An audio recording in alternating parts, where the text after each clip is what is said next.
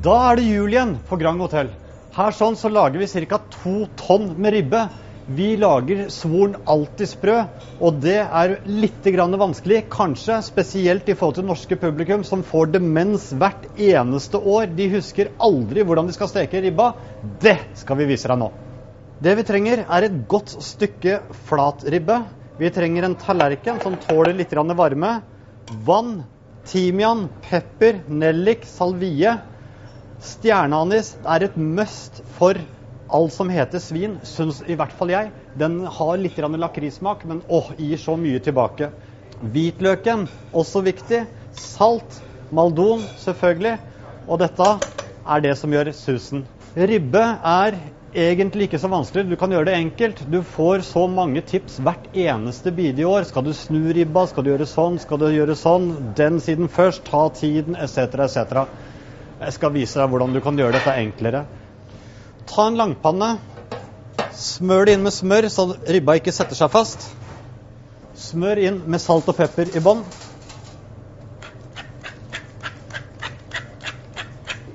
Sjekk at du har fått ribba skåret opp i bånn, hvor du har den fine snittet tvers over, at det er passe store stykker. Hvis ikke, så er du nødt til å hente saga til enten deg selv eller naboen eller en eller annen du har med sag, og så må du bare begynne å angripe og gjøre det samme som du ser her.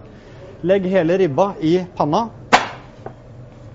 Og her begynner alle nå å skjære ruter i ribba allerede. Enten med en tapetkniv eller en bordkniv eller en samekniv eller hva som helst. Ikke gjør det. Du bruker så lang tid på det, og det tar så mye krefter, og du blir så sur og sint, og det er bare aggressivitet i det. Kutt ut. La være. Jeg skal vise deg hvordan du kan gjøre dette her mye, mye bedre.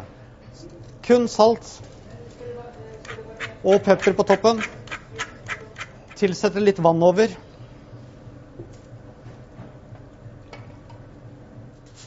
Det hele pakker jeg så inn i folie.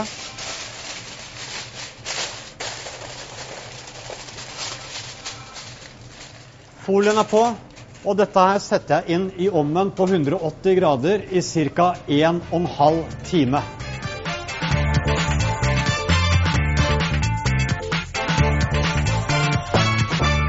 Nå har ribba stått i 1 12 time i, og dampa seg under aluminiumfolien her sånn. Da har den blitt både bakt og den har blitt kokt.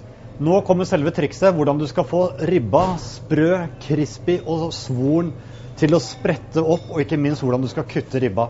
Trikset har jeg lært av Ingrid Espelid. Du vet, hun som prater sånn som dette her.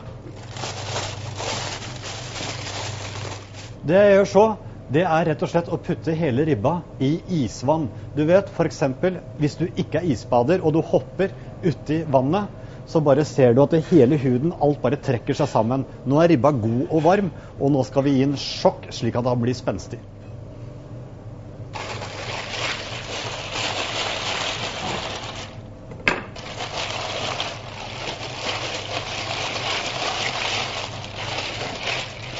Jeg lar ribba ligge i det isvannet i ca. ti minutter mens jeg lager en fantastisk krydderblanding som vi skal bare gni inn i ribba etterpå.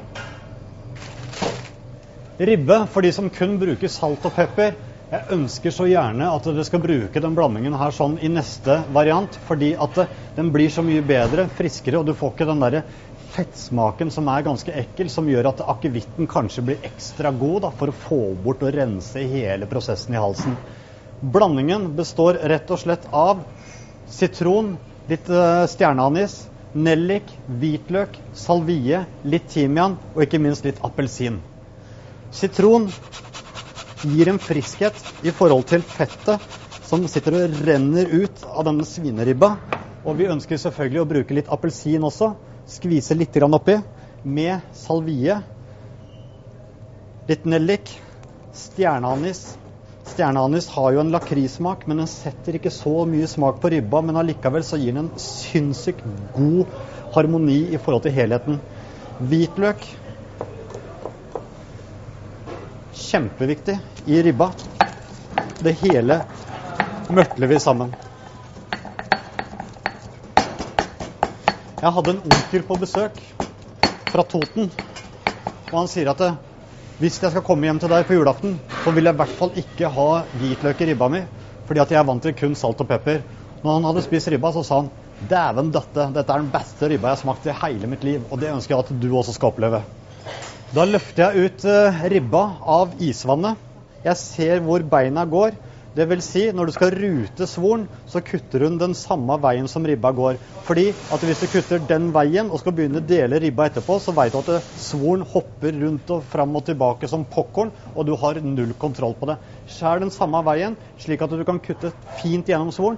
Kommer også direkte gjennom beina. Voilà, så har du fine stykker. Se hvor enkelt det er å rute svoren nå, når man har kokt og stekt den og bakt den på forhånd. Bare skjære akkurat de rutene du ønsker, så slipper du å bruke disse tapetknivene, som er helt umulig.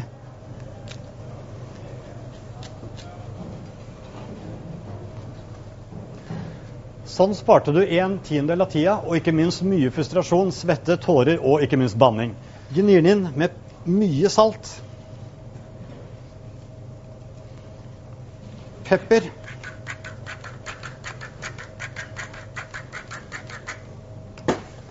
Snur den på den andre sida, gjør det samme.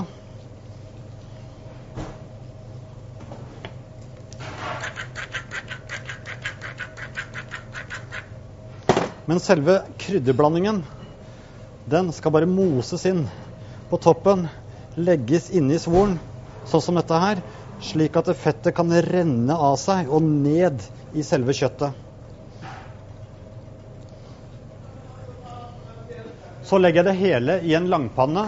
Langpanna legger jeg også en tallerken i bånn. Tallerkener, du trenger ikke å være så redd for dem, fordi at en god tallerken, f.eks. Porsgrunn porselen, de brenner sine tallerkener på 1600 grader. Figgjo brenner på 1400 grader, etc., etc. Så det er veldig veldig få som brenner på under 1000 grader, slik at tallerkenen din den skal være hel etter at ribba er stekt, hvis du har en bra tallerken. Tallerkenen bruker jeg fordi at fettet skal renne naturlig av, slik at du får en fin bøy. Dvs. Si at når vi har steker denne her nå, så renner fettet ut her sånn på sidene, istedenfor at det legger seg som en boble i midten. Har du bobla i midten, så får du den derre saftige svoren som er sånn derre seig, ekkel. Her skal det virkelig bli krisp.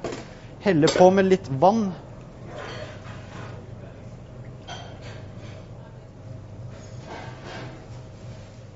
Det jeg gjør så, det er å putte hele herligheten inn i ovnen på ca. 180 grader i 45 minutter. Etter at de 45 minuttene har gått, så setter du opp ovnen til 200 grader, gjerne 220 også, men da må du følge med hele tiden, for det er da du ønsker svoret skal virkelig blåse seg opp. Så er den klar til servering.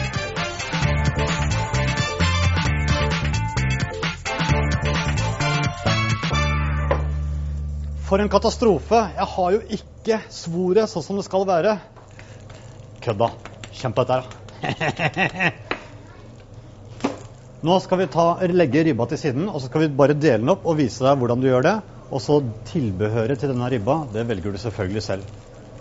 Det som er viktig nå, det er å la ribba hvile i ca. fem minutter før du angriper. Hvis du angriper nå, så detter jo selvfølgelig all saften ut. Og det vil du ikke at skal skje med din ribbe. Så vi bare tar ribba ut, lar den hvile.